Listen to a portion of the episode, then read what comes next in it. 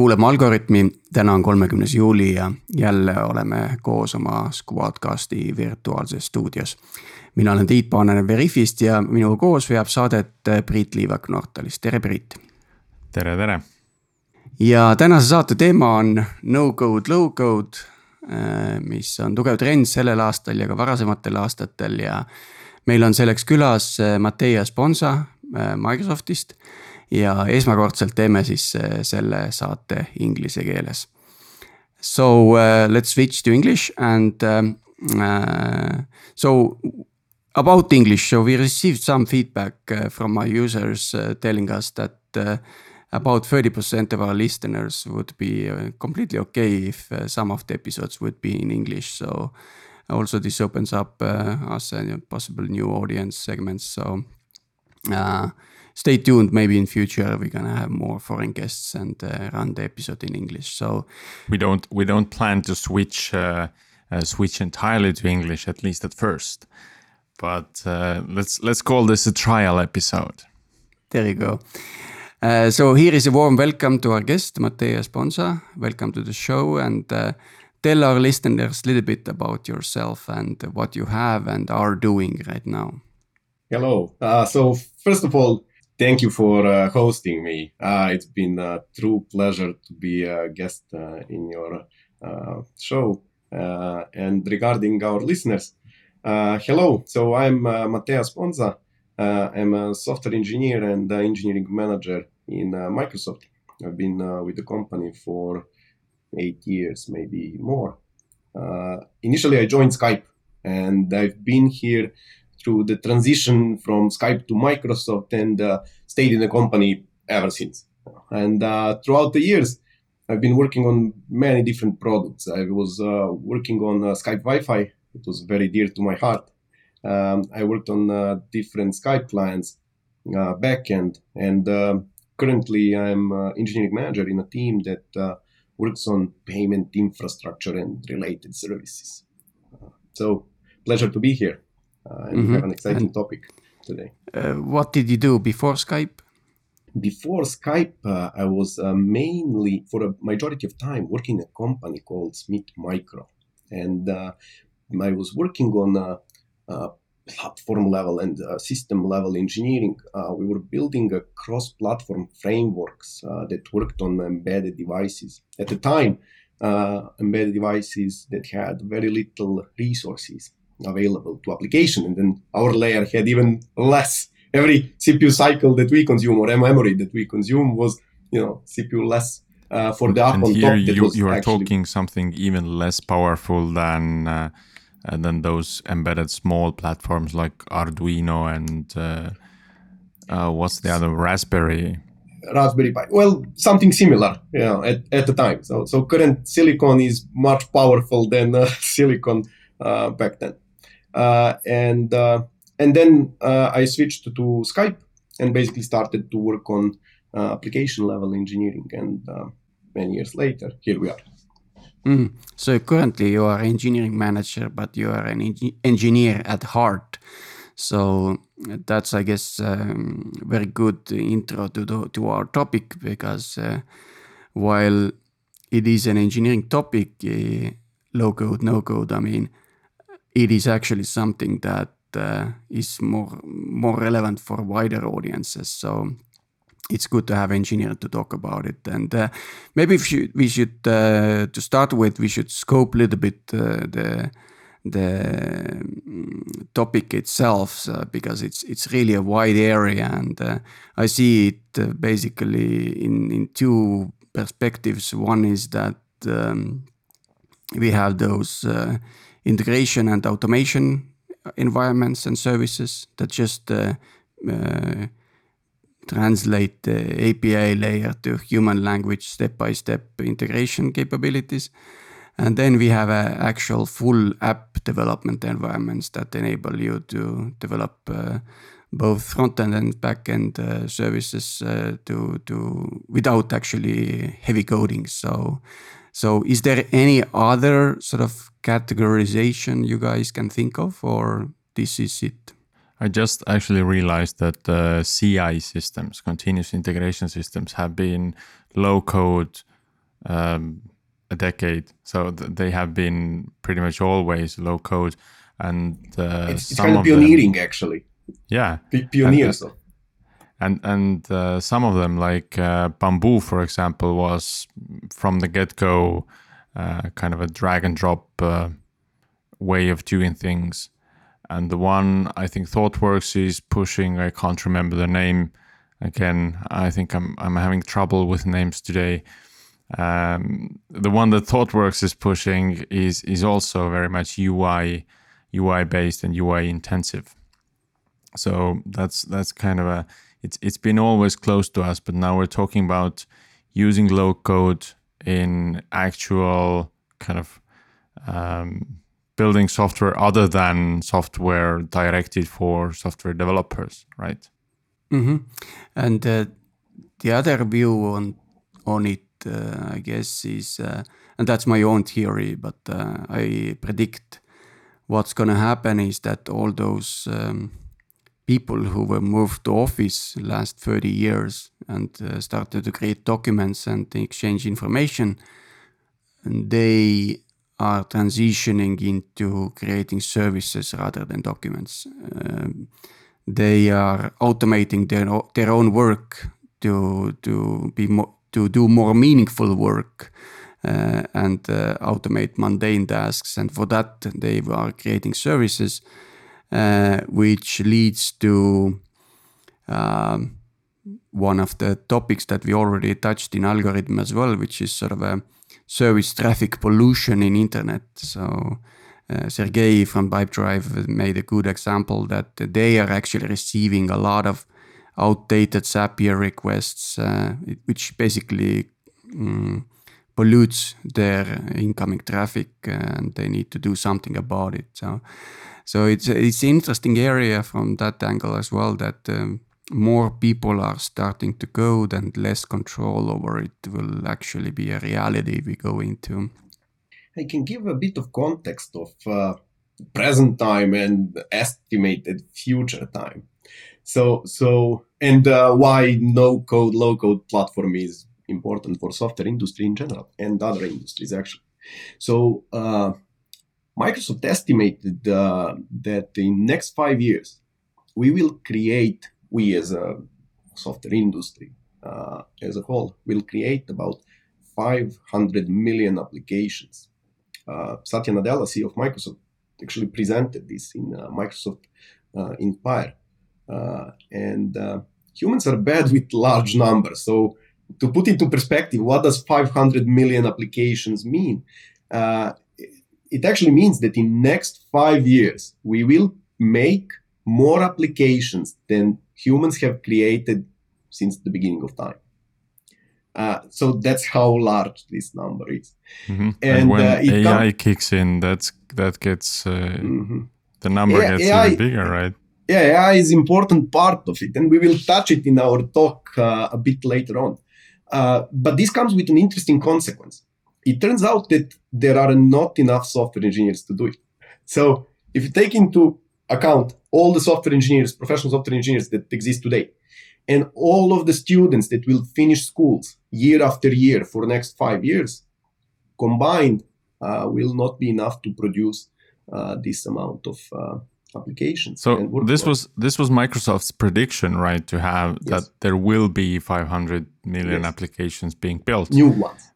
And it it was a prediction with the understanding that there are not enough software developers out there yes. who can build these to things. do it. Yeah, this this the so need. That, so that, but th- th- we we have a path on how to get there. Uh, so so that's I, will I'll switch to the how to get there, but to give uh, more weight on like why is this so? Uh, we so that was a view to the future but we let's let's look at the present time. So current year we're not talking now in about like year 2030 or like this present calendar year uh, 2020 uh, there will be three times more software engineers hired in auto industry than mechanical engineers. Now think about this number auto industry has been industry where historic that historically has been you know, almost entirely uh, focused on mechanical engineers at one point of time even entirely But this year, there will be three times more software engineers hired in auto industry than uh, mechanical engineers.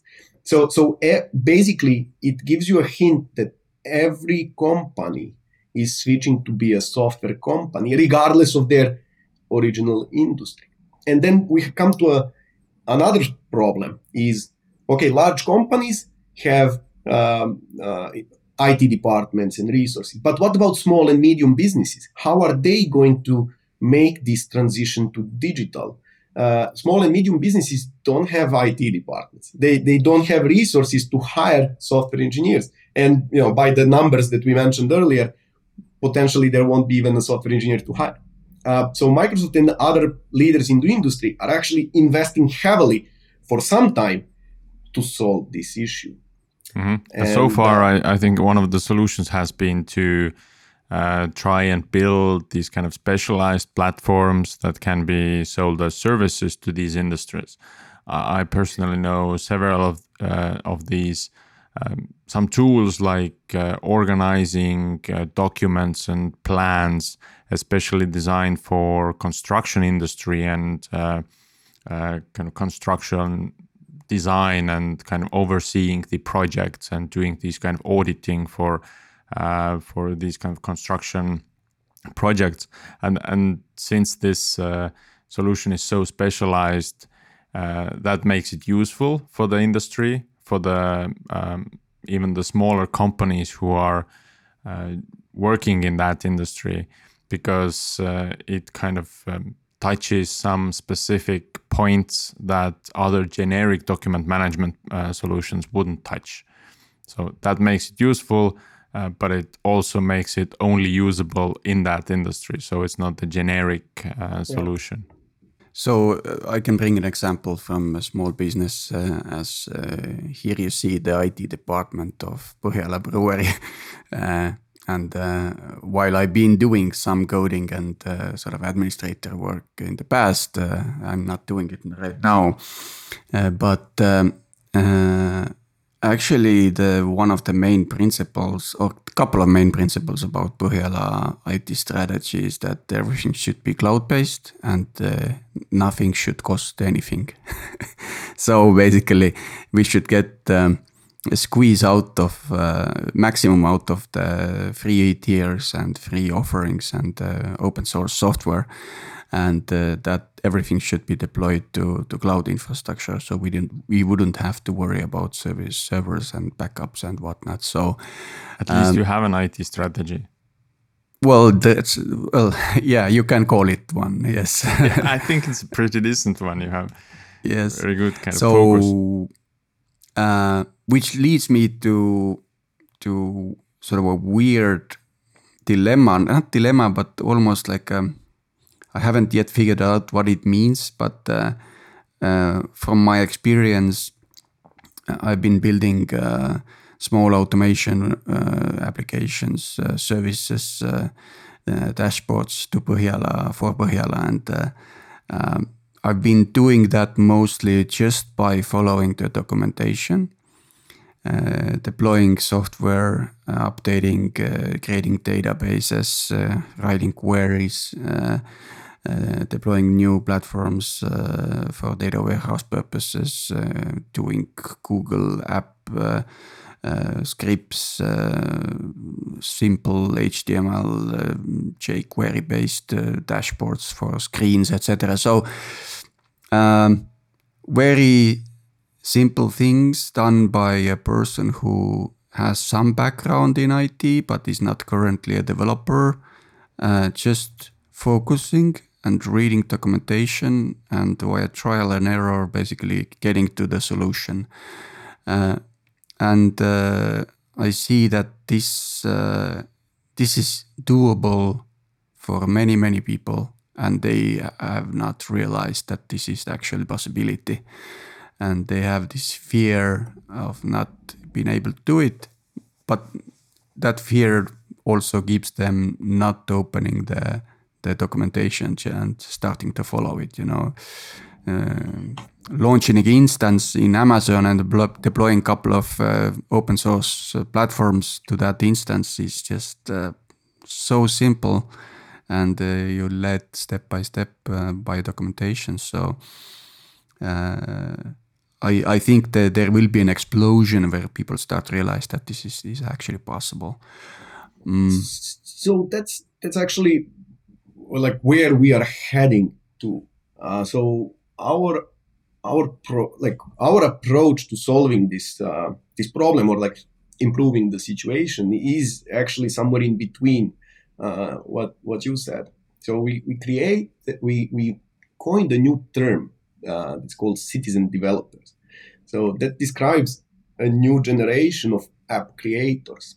And the idea here is that uh, we have low code and no code platforms that will enable professionals from other industries to automate their workflows and, and generate their internal uh, applications. Uh, and this will actually offload professional software engineers uh, to tackle more complex problems. So, so the idea is that professional software engineers will create infrastructure and systems upon which the rest of the software industry will be um, built upon. Um, and no code and low code platforms are, are not something new. Uh, they've been with us for a while, but as you mentioned in the intro, there has recently been a bit of explosion in the usage. And, and there is a reason for it. Uh, and that's another technical breakthrough that recently has happened, and that's AI. You know, now, now you're like, what does AI have to do with it? Uh, it has to do a lot. The best definition, uh, human understandable definition of AI that I ever uh, got was was this: in traditional software engineering, you have input data, and then software engineer goes and arranges if and else statements and for loops to transform this input into desired output. So you need to have a professional software engineer that knows to arrange uh, uh, statements so that we get desired outcome. Now, in AI-based uh, uh, systems, you just need to specify to the computer what is desired output for the given input. So what happens is that a user comes and says, for this data, this is what I want. And for this other data, this is what I want. And then computer is the one that goes and arranges these if and else statements in appropriate order so that for this input, there is an output. This is a bit of simplification, but for all intents and purposes, it is what it is. And so and Microsoft Power Apps is, is already doing that. Yes, exactly. So so that's the deal. Uh, with the AI, when we when AI has came to a point where we can embed AI components into a low code or a no code platform. And the promise is that AI will give the power to the platform, but keeping the simplicity of it. So historically, no code and low code platforms had two issues. Basically, they were either too simple, so that you couldn't, you, it's easy to use, but you couldn't tackle real life, you know, Põhjala brewery complex you know, workload, or they were very powerful, but then they were too complex and you actually needed to be a software engineer to use it, which defeats the purpose. Now, the, the promise that AI brings to the table is that we can make those simple uh, uh, systems very powerful while keeping the simplicity. And, and to test this, because it's kind of marketing, you know, talk, uh, I went on and uh, said, okay, you know, can I build an app uh, with this system? And uh, I, for a long time, I wanted to build an app that's called Find My Cat. You know, and the, the application, what it needed to do, it's very generic. Like will see how it actually is applied into real life scenarios. The idea is that a, a system should scan the environment, and if it finds my cat, not any cat, but my cat, it, it should send me a notification. That's that's the requirement. And then I added two more. You know, it needs to be done in a couple of hours uh, because you know we don't have much time and it needs to be done by a person that is not a software engineer. So, so we limited ourselves to, let's say, an average Excel user. So not a complete random person on the street, but if you know how to use Excel, there shouldn't be any concept uh, unknown to. And and platform that I'm deeply familiar with is Microsoft Power Platform. That is a low code, no code environment. And you know, I late uh, in the in the links in this talk, I'll actually uh, leave the uh, link to the source no code of the solution no uh, with step by step instructions uh, on how to create it. So, so the application without any programming, we teach the program to find the cat in a in an image stream and so what, to send what steps email. you go through. What, what steps you go so, through to so do you that? train. Yeah. So first you start by, by training a model, and that, this sounds complex.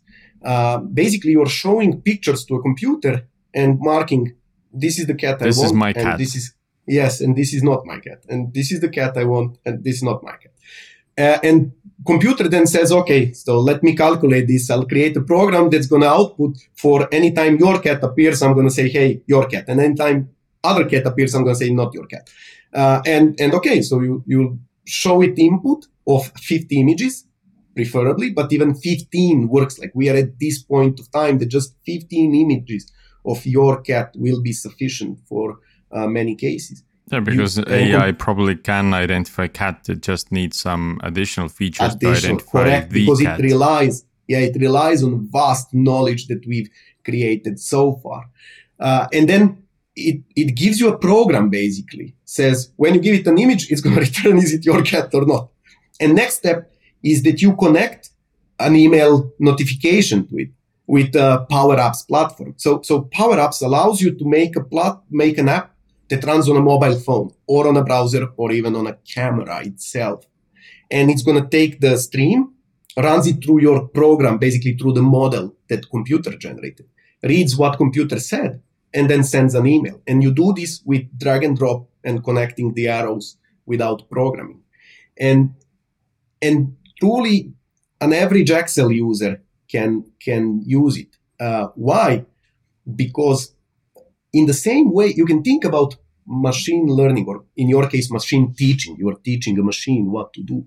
You can think about it similar as teaching a child to catch a ball. Now, to catch a ball is a complex task, and you don't need to be a, a neural ne- neural doctor or neural scientist to figure out in in which path does the brain calculates like the eyes need to focus for the distance of the ball. Does it go to conscious level or unconscious level? Then the, the, the brain needs to position the arms to catch the ball without looking at the arms. Like how does the brain calculate the angle of the wrist position of the hands when not looking? You don't know this but you know how to teach a child to catch a ball. How? You throw it a slow ball. If you throw a fast ball you can't teach a child but you know intuitively, okay, we start easy. I throw a slow ball, child fails, I throw again, child fails, and then 15 times later, child catches it. You don't need to be a neural scientist to, to teach a child how to catch a ball. In the same way, you don't need to be a data scientist to teach a computer to identify a cat. And it needs approximately similar time of repetition. So 15 images and computer is like, okay, I can, you know, recognize a cat or catch almost any ball. And then you bring 35 more, and then computer is like, I'm very confident. I know, and, that's I know the beauty. We're, uh, kind of we're recording a podcast, but let's let's try to step into the UI for a moment here. So how does it for a user? How does it look like to build something like that? So first, I probably define some sort of input, and that's kind of a I don't know a camera input uh, uh, that displays the environment or shows the environment to the application itself, right? Then I'm going to define something else that's, uh, I don't know, identifying an object, some, some logic. I need to look for an object from there, or how does that go? So think about in the same way. So I'm, I'm making a parallel to teaching a child a sport because it's very similar teaching a computer a sport of doing tasks.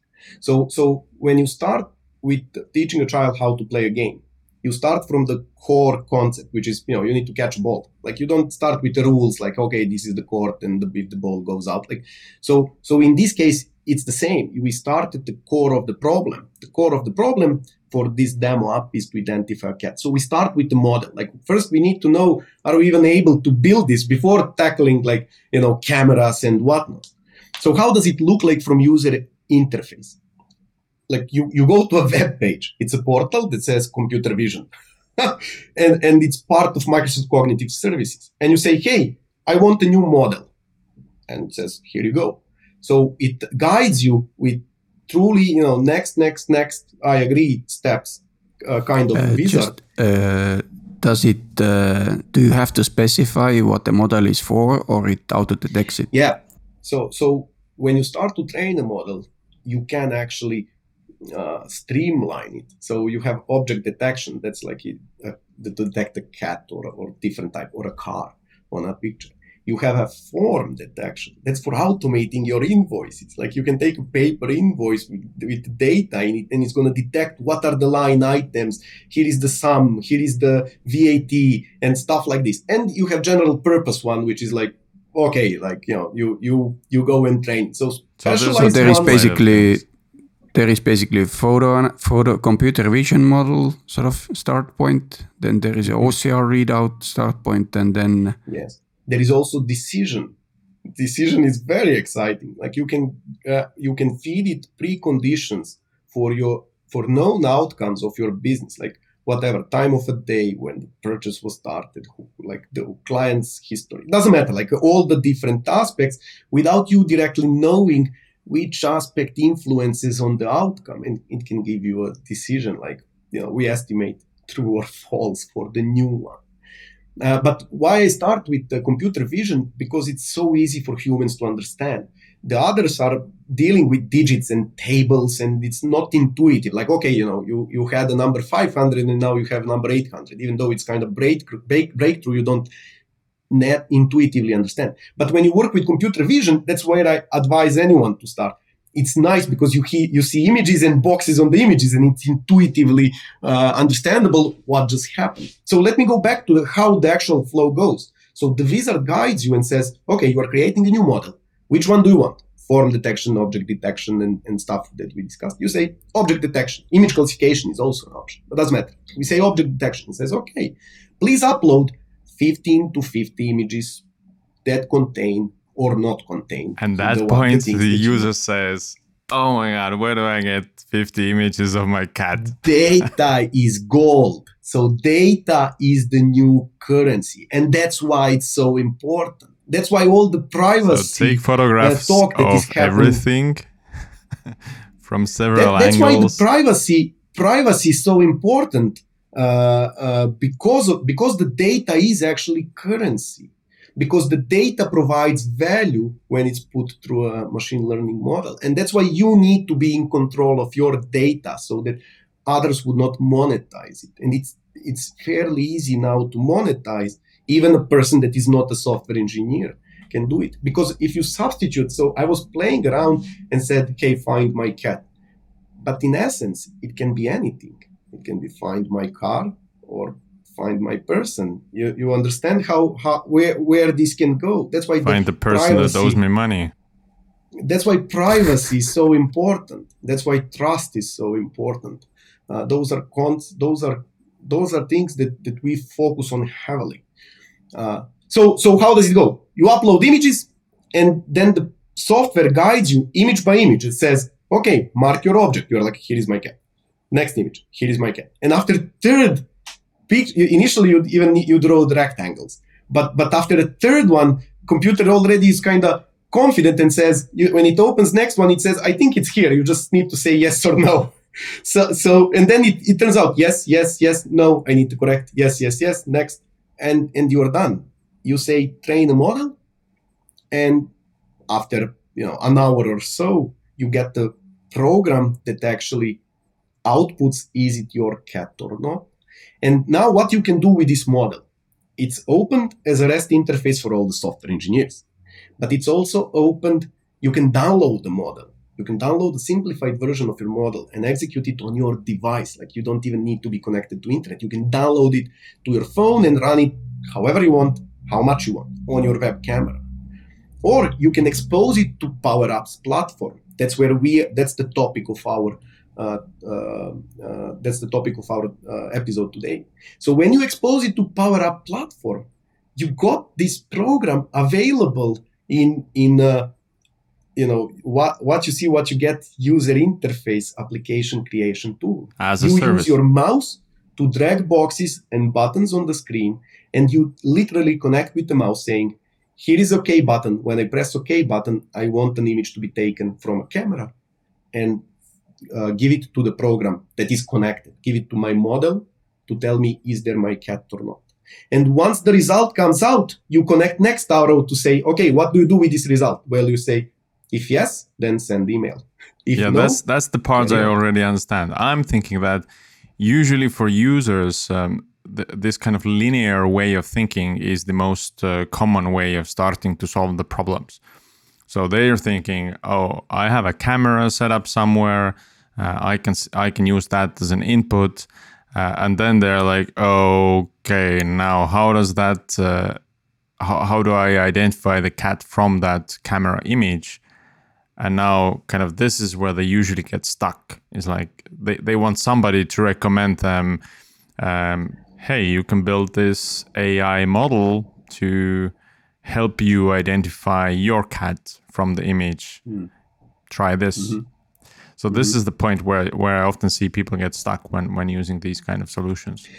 so to help a bit uh, in the links of this um, episode uh, th- there will be uh, uh, links to step-by-step instruction along with you know you take your mouse and click here click there on how to create find my cat app and also how to create even more complex one that if we have time we will touch uh, in, in the episode and uh, then once once the you know this simple I just found demo- Tiit's cat. Walked Oh, by. you saw it? Yeah, Yes. Yeah. walked She's by the door. 19 years old. she walked slowly. Yes. well, that's uh, So- convenient. so this this this app is like kind of joke or funny app but it, you modify it very easily to be very useful for example instead of taking uh, images of the cat you can run a store and take images of your shelf and in the same way how you trained uh, model to dis- find a cat it can find products on your shelf. And and you can reverse the logic and say if you don't find a product send me an email. What does it mean?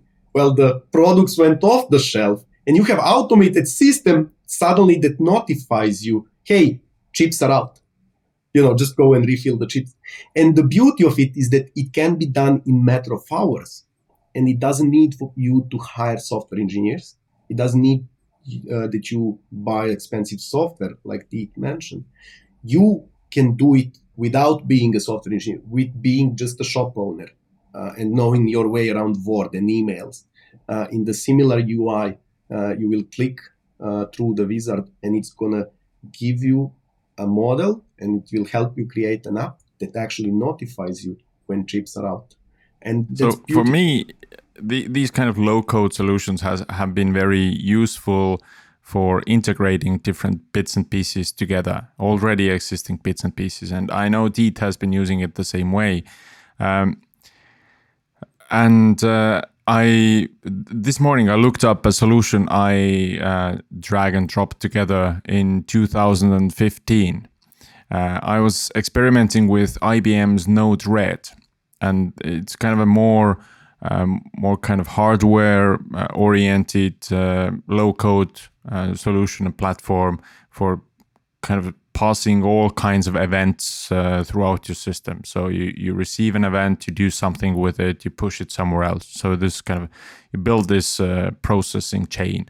So what I did with that was um, um, on on after spe- on specific schedule, uh, I requested the health check endpoint of uh, solution of the of the application, and if it responded something else than 200 OK, then I sent a Pushbullet request. I sent a request to Pushbullet to notify my phone to send a push notification to my phone uh, so that something is going on. So I essentially built this kind of small uh, monitoring solution, but I, I don't actually see this kind of solution being built for something um, too much bigger. So, what kind of kind of these It's- big solution examples you can bring us Yeah. that has It's- been it- uh, built with these kind of low code solutions? It's, beautiful intro to our second topic. So second example I wanted to bring up um, is actually a cooperation uh, with a colleague of ours, Leivo Sepp. Uh, so what is it about? Leivo is an extreme sportsman, and he wanted to to make a system that uh, tracks him during a competition or, or during uh, an adventure and uh, tracks his position, location, and publishes it to a portal where his friends and family can, you know, see that he's okay, that where is he located, how far, far is he progressing, especially if he's on multi-week hiking through different mountain ranges or something. And, and he built a beautiful solution based on Azure serverless compute that costs very little money or no money almost to run it uh, uh, on that small load. Uh, but during our cooperation, I, I, stopped and said, "Hey, Leivo, but this can be done without code, with no code, uh, truly." So, so what I set and built is location tracking system for a runner, and it's based on Garmin uh, you know, location notifications tracking. Garmin has uh, its own system, nothing related to low code, no code. It's like completely third party, non related system. Hmm. Yeah, so and, that's and a service that just provides you an API which you can use. It's, it's hardware. But yes, it's, it's basically service that connects the hardware. So, so Leivo has Garmin GPS tracker. It integrates to the Garmin system, and Garmin exposed an API intended for developers. But I, I then said, and well, no de- uh, people that are not developers can actually use it. So, so we, we went and created a server, server application that, that interacts with Garmin system in real time, fetches the data, transforms it, and stores it into a database. And the server application is built with 72 mouse clicks. It's astonishing. So you can finish it in a day and once you get the data in the database, you don't even know what database is. It's like, you know, well, I store it somewhere. Now is where the magic happens. Because then when the data is in the database, there is a question of how do you display it.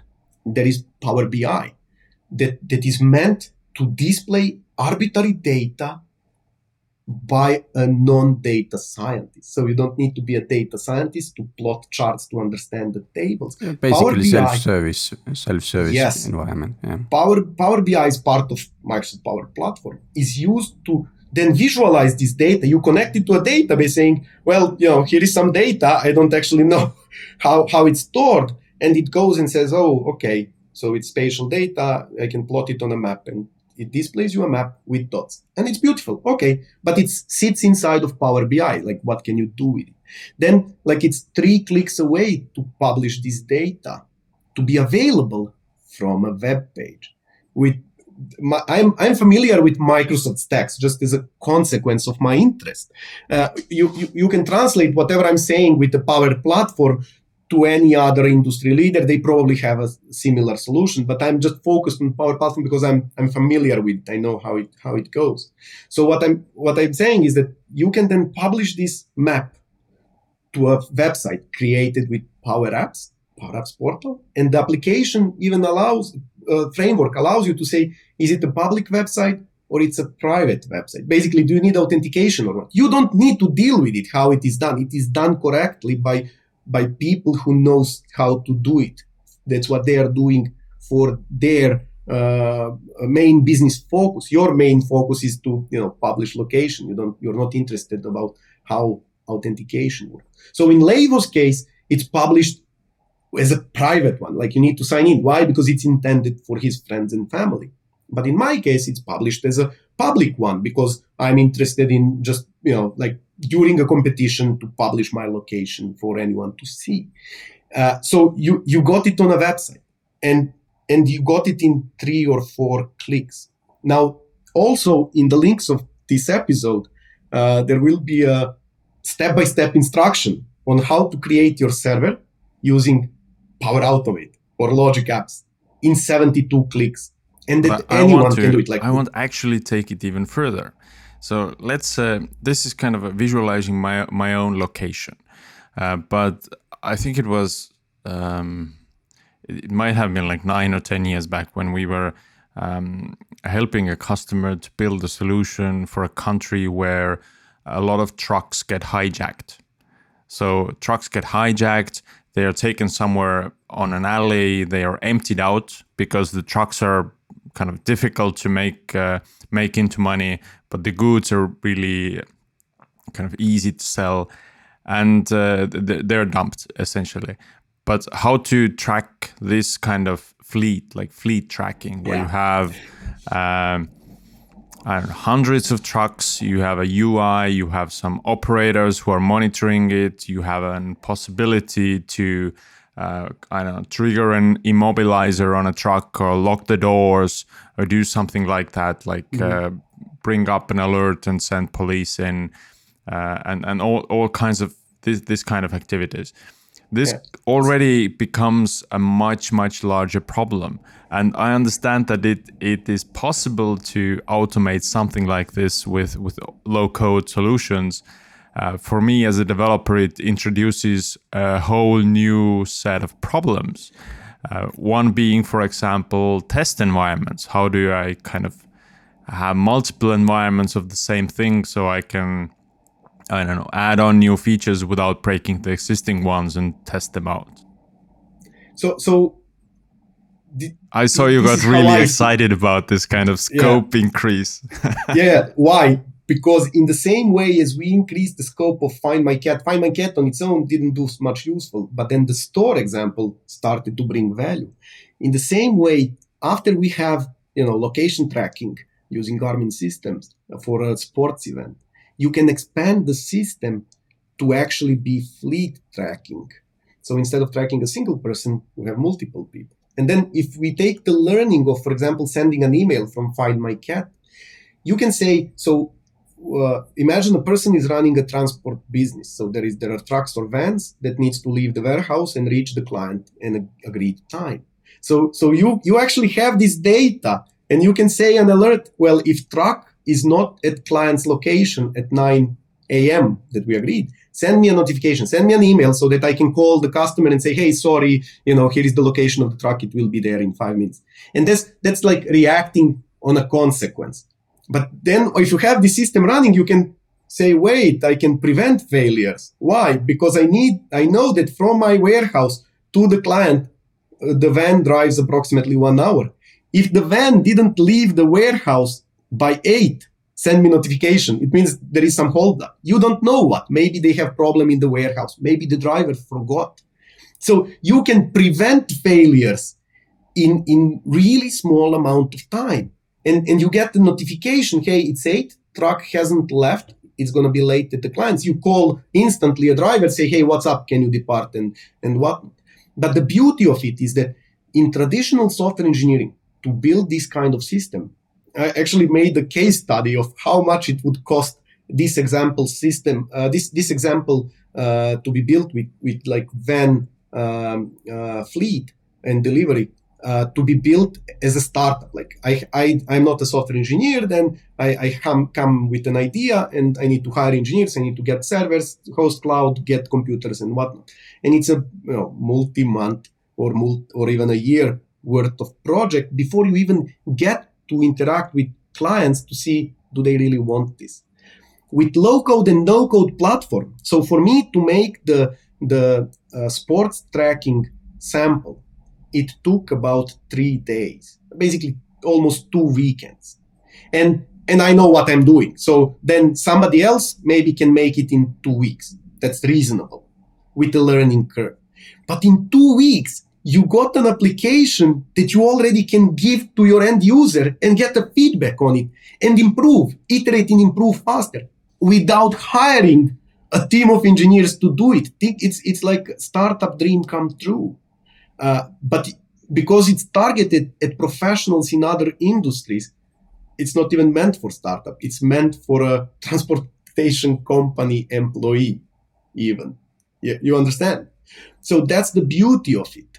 In in a very small amount of time, you can make a product that you can actually integrate in your system and try it out or give it to your users for them to try it out and they give you instant feedback hey this works this doesn't let's improve that and this through these rapid iterations you will actually in a small amount of time reach a, a pretty good product because you will improve based on feedback and the cost of the system is silly because Garmin location tracking device was the only cost associated. That's the only hardware needed. That's and the actual cost. yeah. And and it's it's it's you know like even less than a couple of hundreds of euros. That that's a smaller investment than buying a PC. And everything else is what uh, Tiit mentioned also, hosted in the cloud, uh, based on usage. And when you when you are building it and when you have small amount of user, there, there is small amount of usage and, and it costs really nothing to run mm. it, like so euro a just month. Put it into perspective. Uh, understand uh, with Power Apps, uh, was it million transactions or? or so, so to put it, the the the uh, Azure serverless compute, Azure functions have approximately, I think, uh, 1 million transaction monthly that's just executed for free. like th- this is the load we are talking about. And, and after this, it's like built like insignificant uh, amount of uh, cents, euro cents. So this actually helps. It's meant helps to put the, the platform the is meant to a different place for, for me, it, it seems it helps to put a, a focus on a different place. I mean, it introduces a new set of problems, like the problems of test environments, like maintainability of uh, really large solutions, how to document all of this. But the on upside, you get everything up and running really fast. You can get the feedback loop uh, moving on faster. Uh, in in some occasions, if you're uh, setting up for a startup, you probably need that. Uh, on some other occasions when the customer is fairly certain that what they need and that the requirements are, are set uh, and understood well then this might not be the way uh, way to go. So this is kind for of sure. adding on another layer of uh, another opportunity for for building something the the any system any complex system is actually built of many blocks. So what you get with this you get to market really fast. You get your product out there for other people to use. And it's set of services. So let's let's talk about our fleet tracking system. So you build a server application in 72 clicks.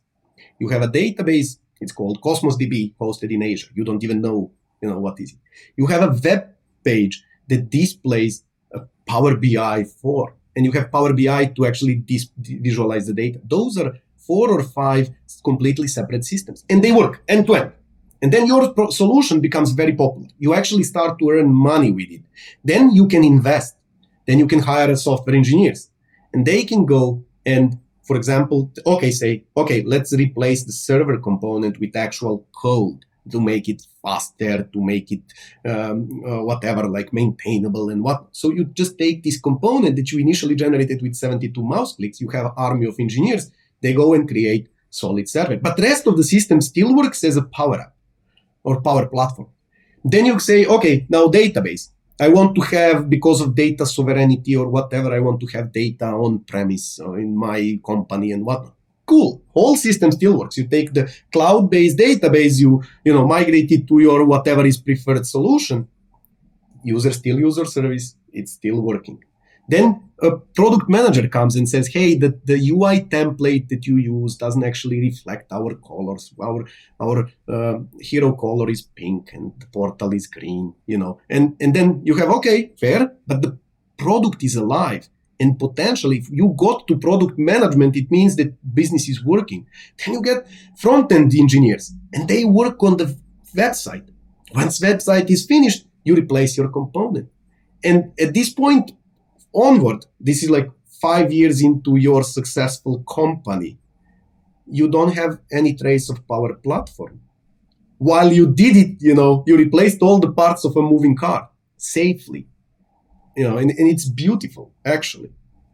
So, so that's your transition to becoming a corporation or transition to becoming a software industry, the software company. Like you started as a as a transportation company that didn't even have a IT department, but because of automation that you built and, and customer satisfaction, because you didn't have failures, like you were notified when vans are late, you know, you got opportunity to develop a system and eventually became a service provider, full blown.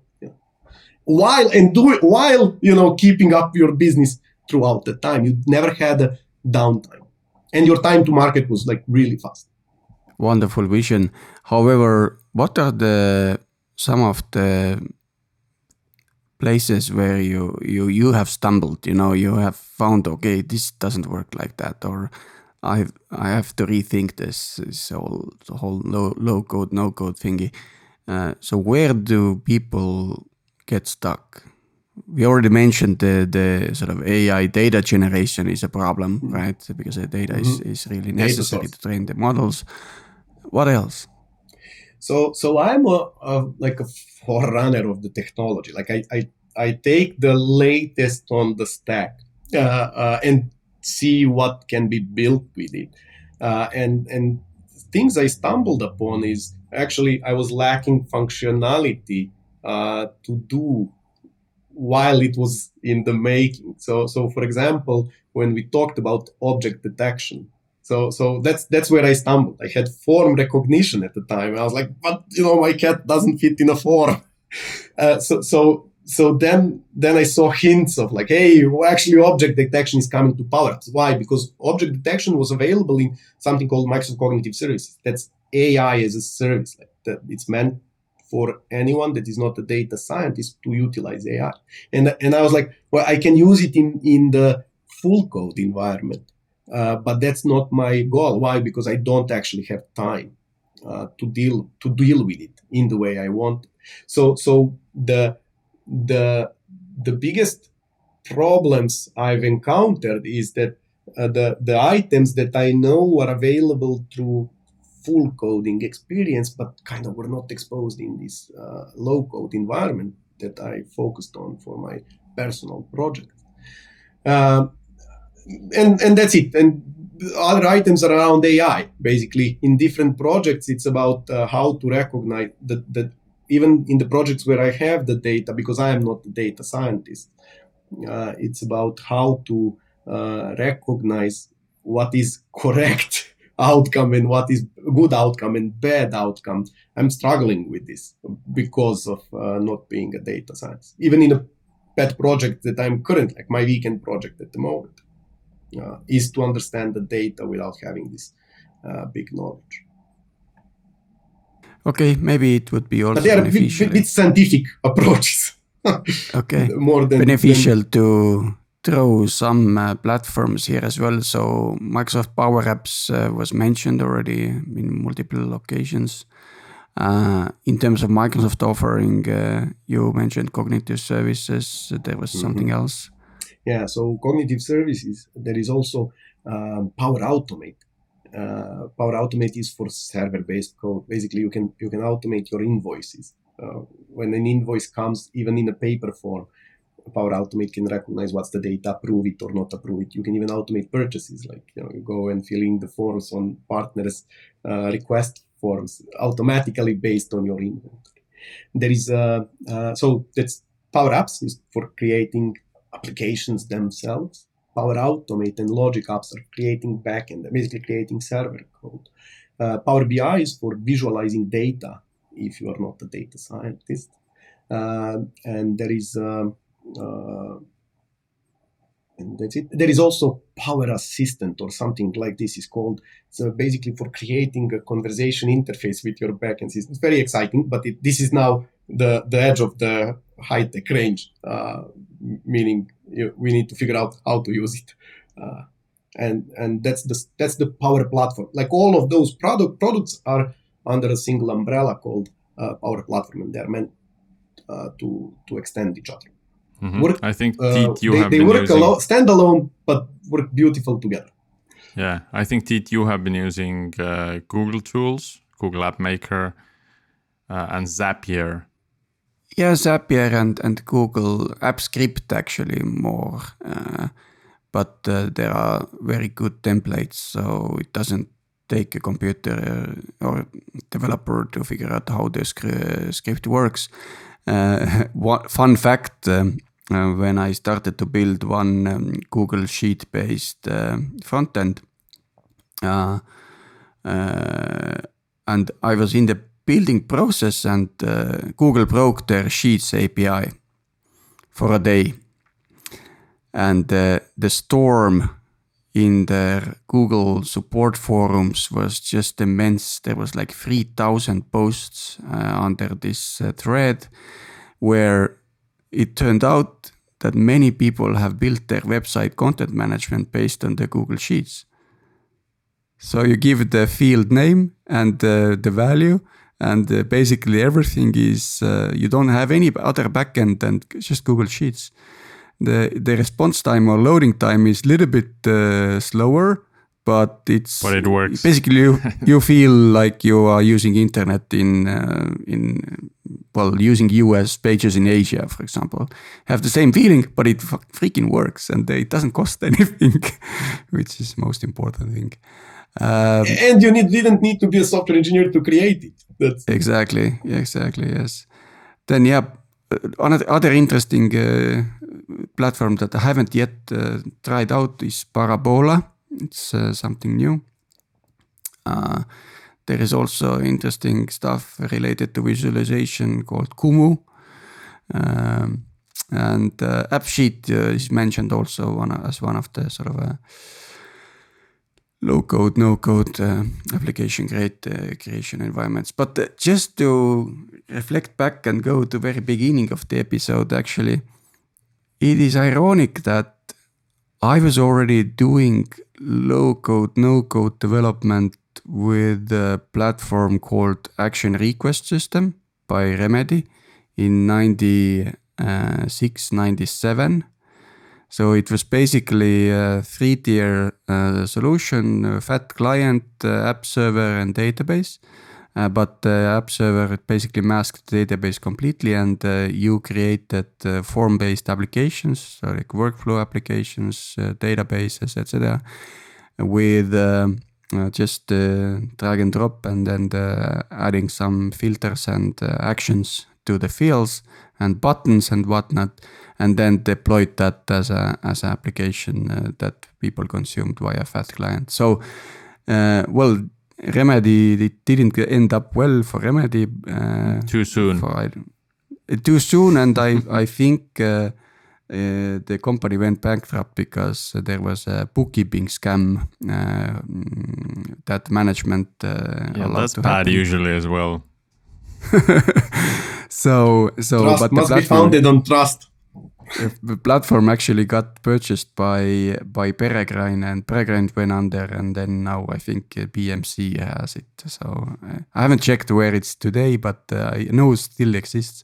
So I mean, uh, the, which leads me to maybe another episode topic, which is uh, fourth generation programming languages. Uh, yes. Right now we at sort of a third generation, and uh, that creates a high barrier of entry. And uh, with low code, no code, we are getting rid of that barrier of entry. But but actually, the the the whole um, web coding and and uh, native coding uh, is evolving as well. So if there are someone who could enlighten us and our listeners about fourth generation languages. Uh, and also additional low code, no code platform solutions um, that uh, they have had good experiences with. Uh, please uh, share your stories at Algorütm Facebook page and uh, kind of sh- share your knowledge there as well. Yep. So, Mateja, any any last comments from you, or we can? So, so to wrap up, it's like call to action to, to our listeners, actually. Uh, so, regardless of your background, regardless of your knowledge, what I invite you is to go to this episode's uh, webpage and take a look at resources. So, so invest a bit of time. That's all that's needed. Uh, go through the Find My Cat tutorial.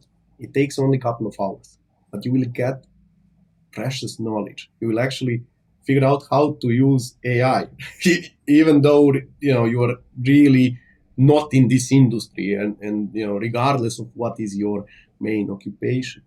And then once you finish this tutorial, instead of sending an email, you can interact with your home, smart home. You have you know, smart light bulbs, more maybe, or instead of training to recognize your cat, you can recognize your car coming on the driveway and then smart home open the gate. That's that's the idea behind it. And then once you finish find my cat, if it seemed interesting or if it seemed exciting, then switch to the more complex tutorial. Uh, that's this location tracking with Garmin sports location tracking with Garmin. It's it takes more than a couple of hours, but you can probably finish it in maybe a day or two. But you will then get the understanding of end-to-end solution. Like you will, you will have you know server app built into in 72 mouse clicks. You will have database that you never even knew you you could operate on. You will visualize your data in a user-friendly manner, and maybe even build a mobile app to upload photos during your run. Uh, awesome. Uh, and all the samples are, you know, kind of you, you don't need hardware. You know, I provided the links where, yep. where you can take the track data from and, and stuff. And like we, we have those out. links uh, in in our show notes as well. So we we have those links. We're gonna share them. Very cool. So let's so wrap it up. Thank you, Mateja. Uh, That's call to action. Thank you very much, uh, Priit and Tiit. Uh, thank you for hosting me, and uh, to our listeners, uh, thank you very much for for time uh, you spent uh, listening. I hope you enjoyed. And that's a wrap. Ja meie kuulajate veel üleskutse, et, et ootame endiselt võimalikke esinejaid, teemasid, et andke ennast üles, andke sõber üles et, et seda Äh, algoritmi edasi arendada, et äh, eks me ise teeme ka siin taustal tööd, aga, aga tihtipeale episoodid, kus inimesed räägivad, tulevad, räägivad oma kogemustest, oma lugudest, on, on need, mis saavad kõige rohkem äh, nii-öelda kuulajaid ja, ja. positiivset tagasisidet. täpselt. sellega tänaseks kõik ja kohtume jälle järgmisel nädalal. Kuulmiseni.